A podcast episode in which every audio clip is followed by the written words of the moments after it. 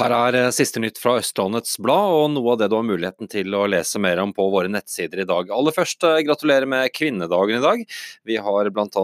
gått med lokale debattinnlegg, et stort digitalt magasin om og rundt kvinnedagen, og intervju med flere sterke kvinner både lokalt og ikke lokalt i forbindelse med markeringen av 8. mars.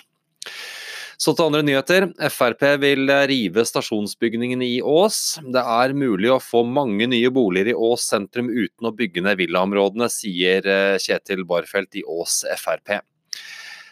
Jordlappen kostet 150 millioner. Nå skal det bygges boliger for 1 milliard på den, to kilometer fra Ski stasjon.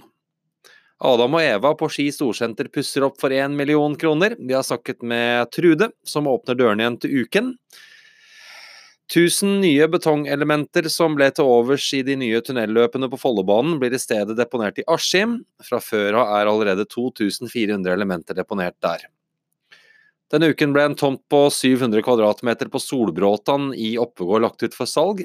Prisen 4,1 millioner kroner. For eh, nøyaktig ett år siden tok eh, Tuva Moflag opp den lange ventetiden for å få pass i Follo. Da svarte justisministeren at ventetiden var uakseptabel, men nå, i dag, er ventetiden dobbelt så lang. Meldingen fra de mange barna som møtte opp for å protestere mot utbygging i Rikåsskogen var eh, klar i går. Ikke ødelegg skogen vår, les alt om aksjonen og se bildene fra gårsdagens store markering i Oppegård. Oppegård og Ski skal investere for drøyt 1,8 milliarder kroner i år. Nå må de vurdere investeringsprosjektene på nytt. Og i helgen så er det masse digg sport å se på ØB.no. Vi viser både herre- og damekampen til Follo HK. Vi skal dekke Kolbotn sin kamp mot Ski i helgen, samt at vi også sender junior-NM i langrenn med lokale deltakere. Komplett liste finner du på ØB.no.